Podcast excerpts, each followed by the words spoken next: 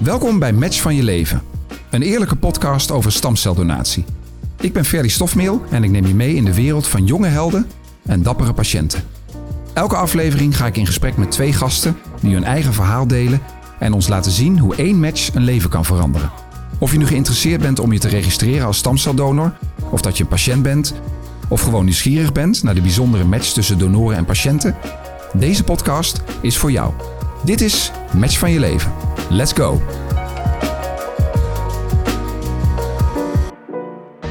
Goed dat je weer luistert. We hebben vandaag twee gasten die zelf hebben ervaren hoe belangrijk een stamceldonatie kan zijn. Want mijn eerste gast van vandaag is Wouter Klein-Tuwente. Welkom Wouter. Dankjewel. Wouter, jij was 32 toen je de diagnose leukemie kreeg. En van de een op de andere dag stond je leven volledig op zijn kop.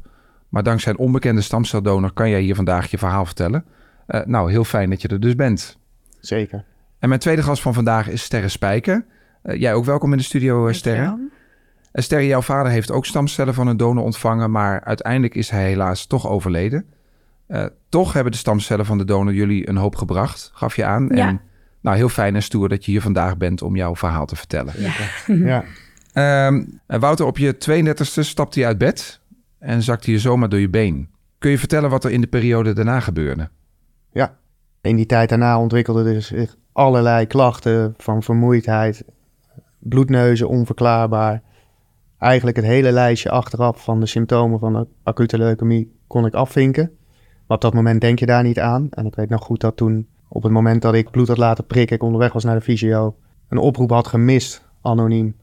En ik daar aankom en mijn vrouw belt.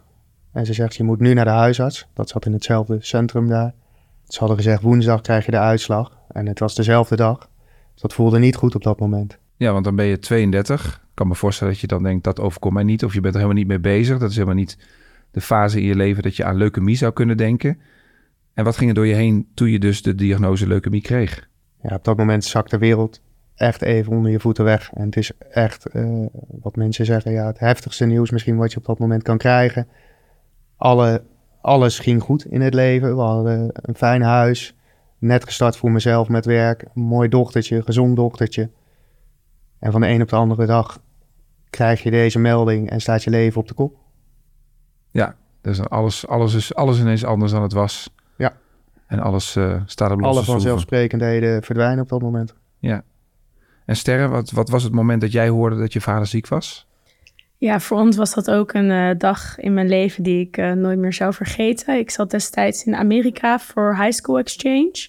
En ik kreeg in de ochtend al een berichtje van mijn ouders van... Ster, als je vandaag tijd hebt, zouden we even graag met je willen bellen. En toen had ik al een beetje een onderbuikgevoel van... normaal is soort van verplichten ze me nooit om te bellen. Is het meer wanneer ik tijd heb. En nou toen dus wel meteen gebeld. En toen kreeg ik het nieuws van ja, papa is uh, ziek. Hij heeft leukemie en ik was destijds 17, dus ik wist eigenlijk helemaal niet wat dat betekende. En ik had wel een beetje van de films wel eens gezien, maar ja, wat het nou echt was, dat wist ik helemaal niet. En toen heb ik de keuze gekregen of ik um, in Amerika wilde blijven of dat ik uh, naar huis wilde komen. En ik zat natuurlijk meteen van wanneer is het eerste vliegtuig naar huis, want ik wil nu naar jullie toe. Toen hebben mijn ouders nog wel gezegd van, nou, we moeten nog een weekje blijven om ook normaal afscheid te nemen.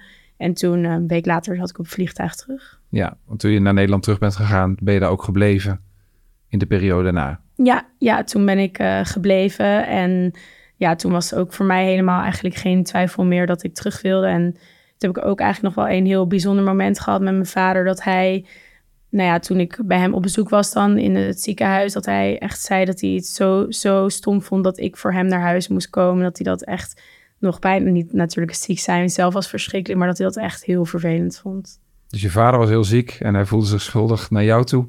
Ja. Dat je door hem nu niet meer in Amerika was. Ja, ja terwijl voor mij was het natuurlijk geen twijfel meer. Mo, mo uh, ja, was er geen twijfel uh, die erbij kwam. Dus nee, ja. Je wilde gewoon naar huis, naar je ouders. Ja. ja. Nou, ook deze week zijn we weer de straat op gegaan met een stelling. En de stelling van vandaag is: ik wil alleen stamcellen doneren aan iemand die ik ken.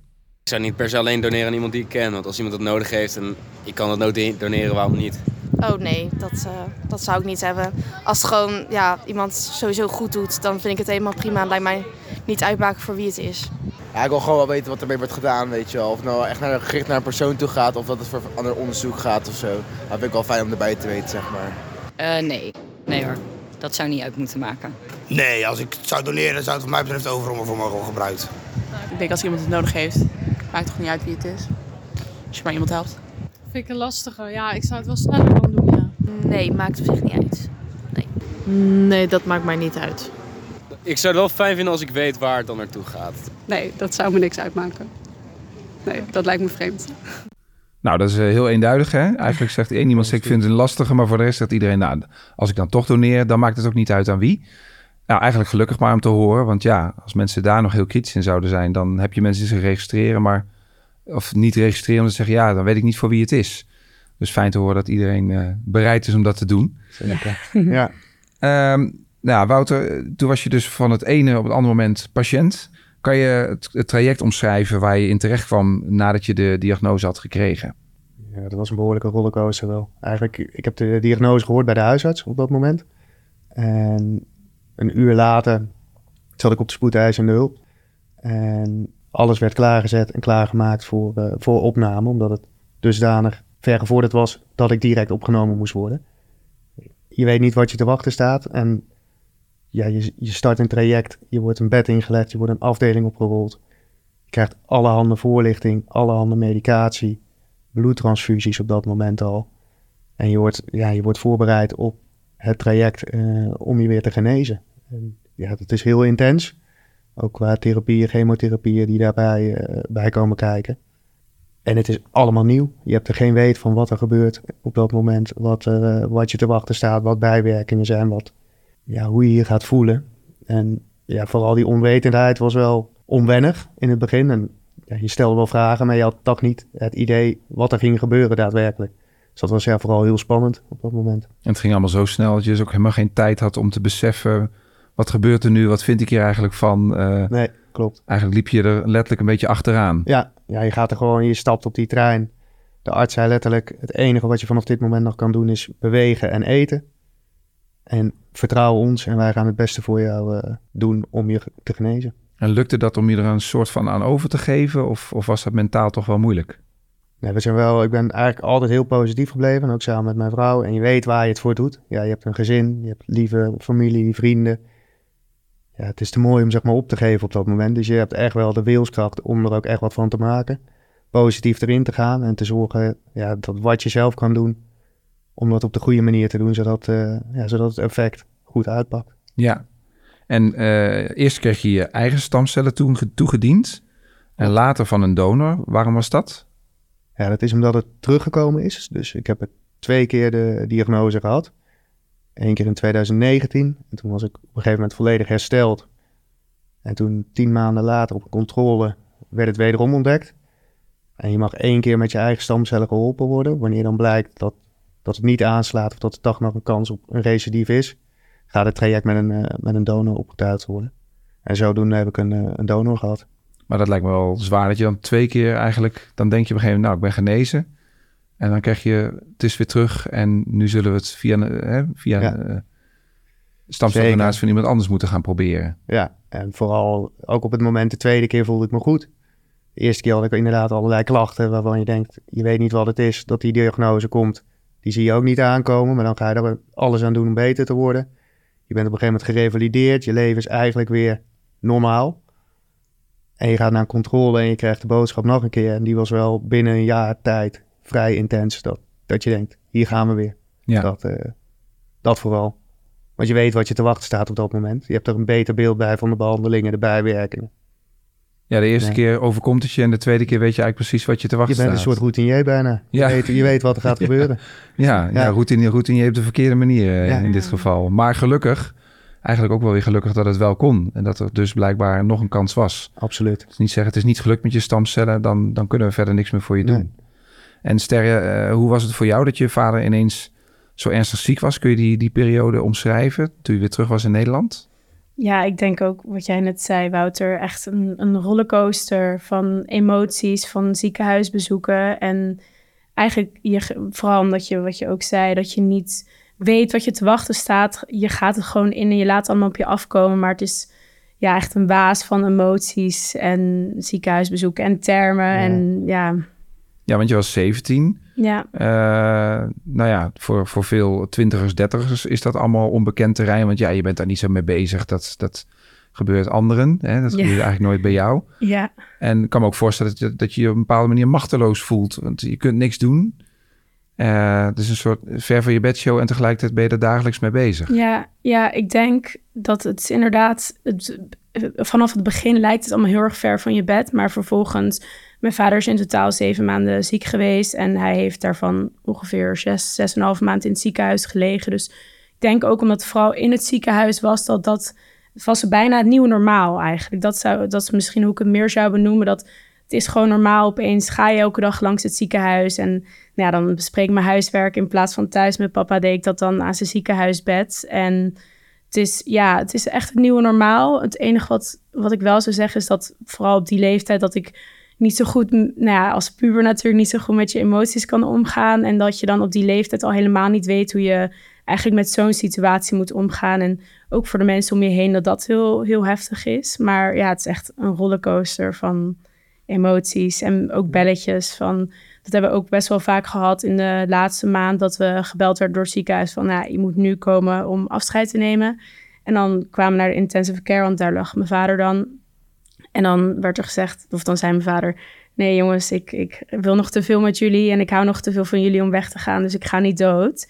En dan sta je daar aan het ziekenhuisbed. En dan nou, weet je natuurlijk ook niet zo goed wat je moet zeggen. Maar vervolgens, elke keer als hij zei dat hij niet dood ging, ging hij ook niet dood. Dus dan was het voor ons ook wel heel mooi. Maar je staat natuurlijk ook wel daar echt van, wat overkomt me nou weer? Ja, want je zegt, dat is meerdere keren geweest. Je hebt een paar keer afscheid moeten nemen. Dit is misschien de laatste keer dat we elkaar ja. zien, terwijl we allemaal nog leven. Ja, maar het rare is ook dat je gaat niet echt afscheid nemen als iemand zegt van ik ga niet dood. Dus op zich, we stonden er dan wel van ja, van papa, ik hou zoveel van je. En soort van, ja, het is gewoon zo vervelend allemaal. We begrijpen gewoon als het te veel is en als je het niet meer aan kan. Maar dan zei hij, ja, jongens, ik ga niet dood. En dan natuurlijk niet met zoveel energie en uh, glimlach. Maar hij zei dan, ja, ik ga niet dood. En dan sta je er ook van, ja, wat, wat moet je eigenlijk zeggen dan? Ja, en in het geval van jouw vader, wat er dus niet meteen, uh, of werd er niet iemand gevonden binnen de familie die geschikt was om te doneren. Dus jullie waren afhankelijk van een, uh, van een anonieme donor. Was het moeilijk om een, om een match te vinden in het geval van jouw vader? Nou, het was eigenlijk dat mijn oom, die was een match, maar toen is er wat preventiefs bij hem gevonden, dus daardoor kon hij niet doneren. Dus dat was ja, natuurlijk eigenlijk best wel ja, een, uh, een klap. En toen zijn ze meteen natuurlijk in het uh, donorregistratiebestand uh, van uh, matches gaan kijken. En toen is er vrij snel een, een, een, donor gevonden.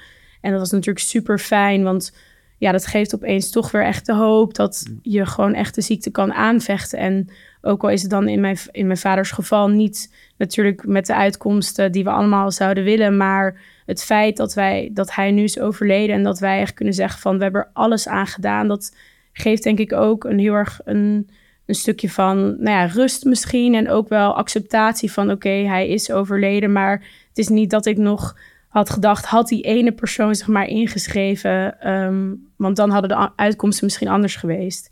Dus dat was echt super fijn. dus je, je, zegt eigenlijk, ondanks dat mijn vader uh, het niet heeft gered, uh, is het toch niet dat je zegt van het is zinloos geweest, want ja, hij leeft niet meer, dus het heeft geen zin gehad. Nee, nee, precies. Ja, een soort van de wat, wat als is weg, weggevallen. Dus een soort van het is echt, we weten dat er alles is aangedaan. En ook juist misschien dat die momenten dat wij werden gebeld van je moet nu afscheid nemen. Dat mijn vader zei van nee, dat gebeurt niet. Heeft denk ik echt mij laten inzien dat hij heeft alles gegeven wat hij kon. Ja, en dat klinkt ook wel alsof jullie heel hecht, uh, misschien waren jullie dat daarvoor al, maar dat jullie in die periode ook misschien nog wel dichter naar elkaar zijn toegegroeid als gezin.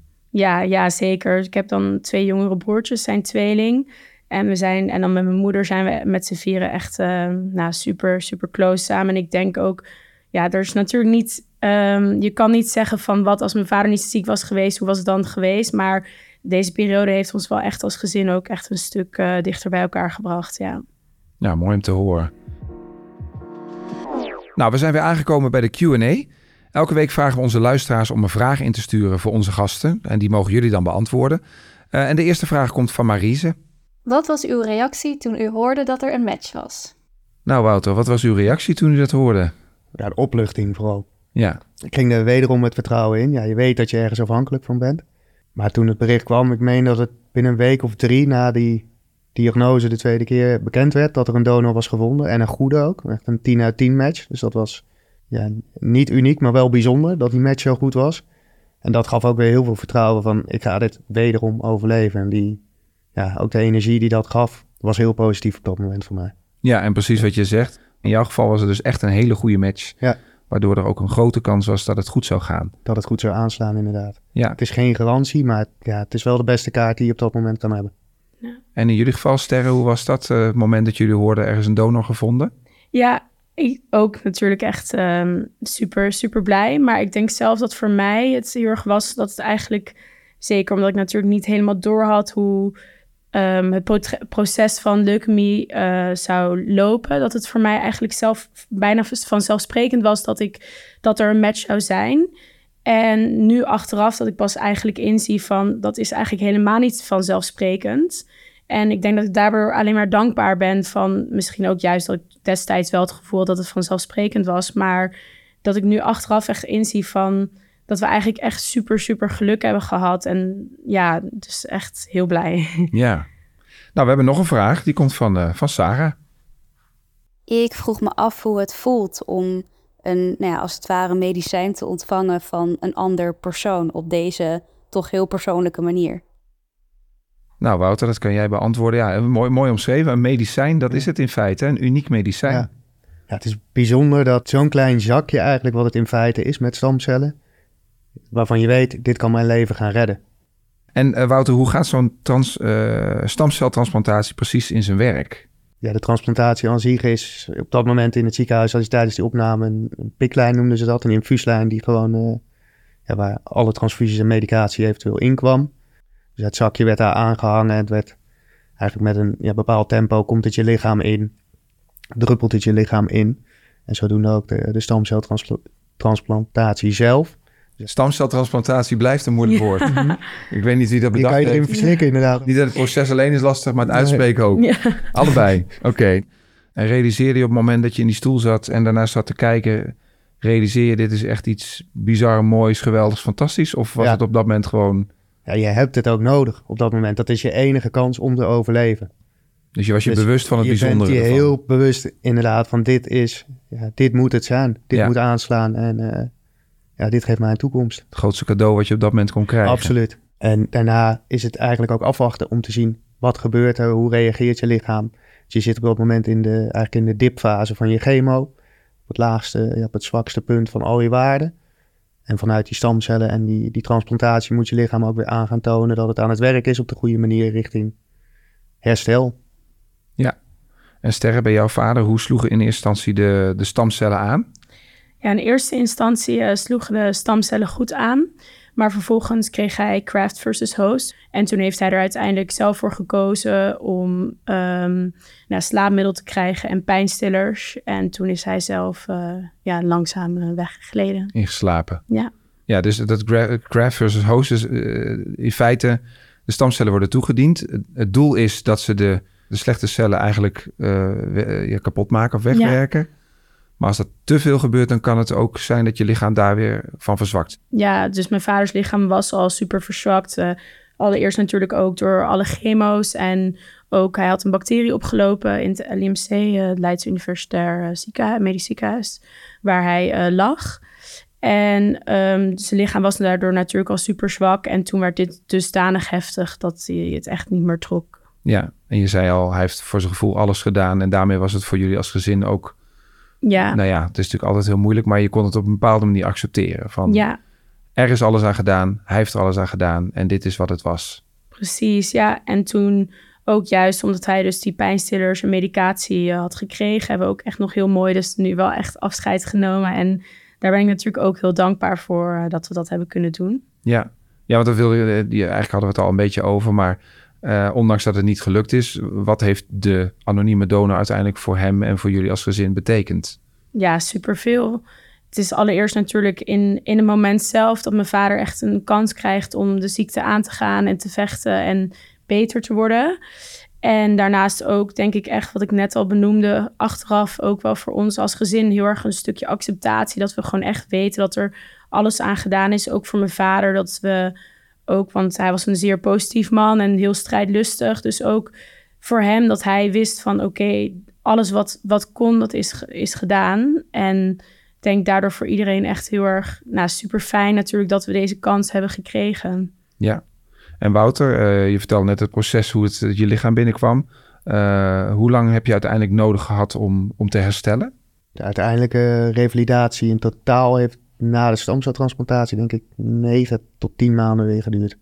Dat ik echt weer op kracht was, volledig weer aan het werk ging. Ja, dus in het die... leven eigenlijk volledig weer kon, uh, kon oppakken. Ja, dus in die 9 à 10 maanden heb je inderdaad ook maar gedeeltelijk of niet gewerkt. En ja. moest je echt helemaal herstellen en weer op ja. kracht komen. Veel, ja, vooral je lichaam aansterken, dus veel fysiotherapie gedaan. Uh, ook ja, mentaal, uh, je brein. Op een gegeven moment, ik had behoorlijk een chemobrein, waardoor je vergetenachtig was. Ja, al dat soort zaken moesten weer terugkomen om uh, normaal mee te kunnen functioneren. De vermoeidheid in het begin. Onverwachte momenten dat je midden op de dag in één keer om kon vallen en kon gaan slapen voor een aantal uren. En wat gaat dat herstel dan heel gestaag steeds beter? Of voel je echt ups en downs dat je soms ook denkt... oh, volgens mij ben ik helemaal terug bij af? wisselend eigenlijk. Fysiek ging het heel goed. Dus dat merkte ik gewoon door het trainen, dat, uh, door de fysiotherapie, dat dat heel, ja, zich goed ontwikkelde. Maar vooral de vermoeidheid is heel onvoorspelbaar. Die, die komt op momenten dat je hem niet aan ziet komen. En eigenlijk, ja, in het algemeen was de lijn wel heel positief naar voren. En ook door de controles die ik had, dat, door de waardes die de artsen weer zagen, oogt het allemaal als een uh, zeer positief herstel. Ja, nou ja, en uh, uiteindelijk is de stamceltransplantatie dus goed aangeslagen. Ja. Uh, hoe gaat het nu met je? Goed. Want het is ongeveer vier jaar geleden de eerste diagnose en dan... Ja. Bijna drie jaar verder inderdaad nu dat, uh, dat de donor in mijn lichaam zit. En nou ja, het gaat heel goed. Geen gekke klachten meer. Nog geregeld op controle uiteraard in het ziekenhuis. Maar geen bijzonderheden zeggen wij altijd. En dat is, uh, ja, dat is heel fijn na zo'n tijd. Ja, en er is nog iets bijzonders ge gebeurd in jullie leven, in jullie gezin?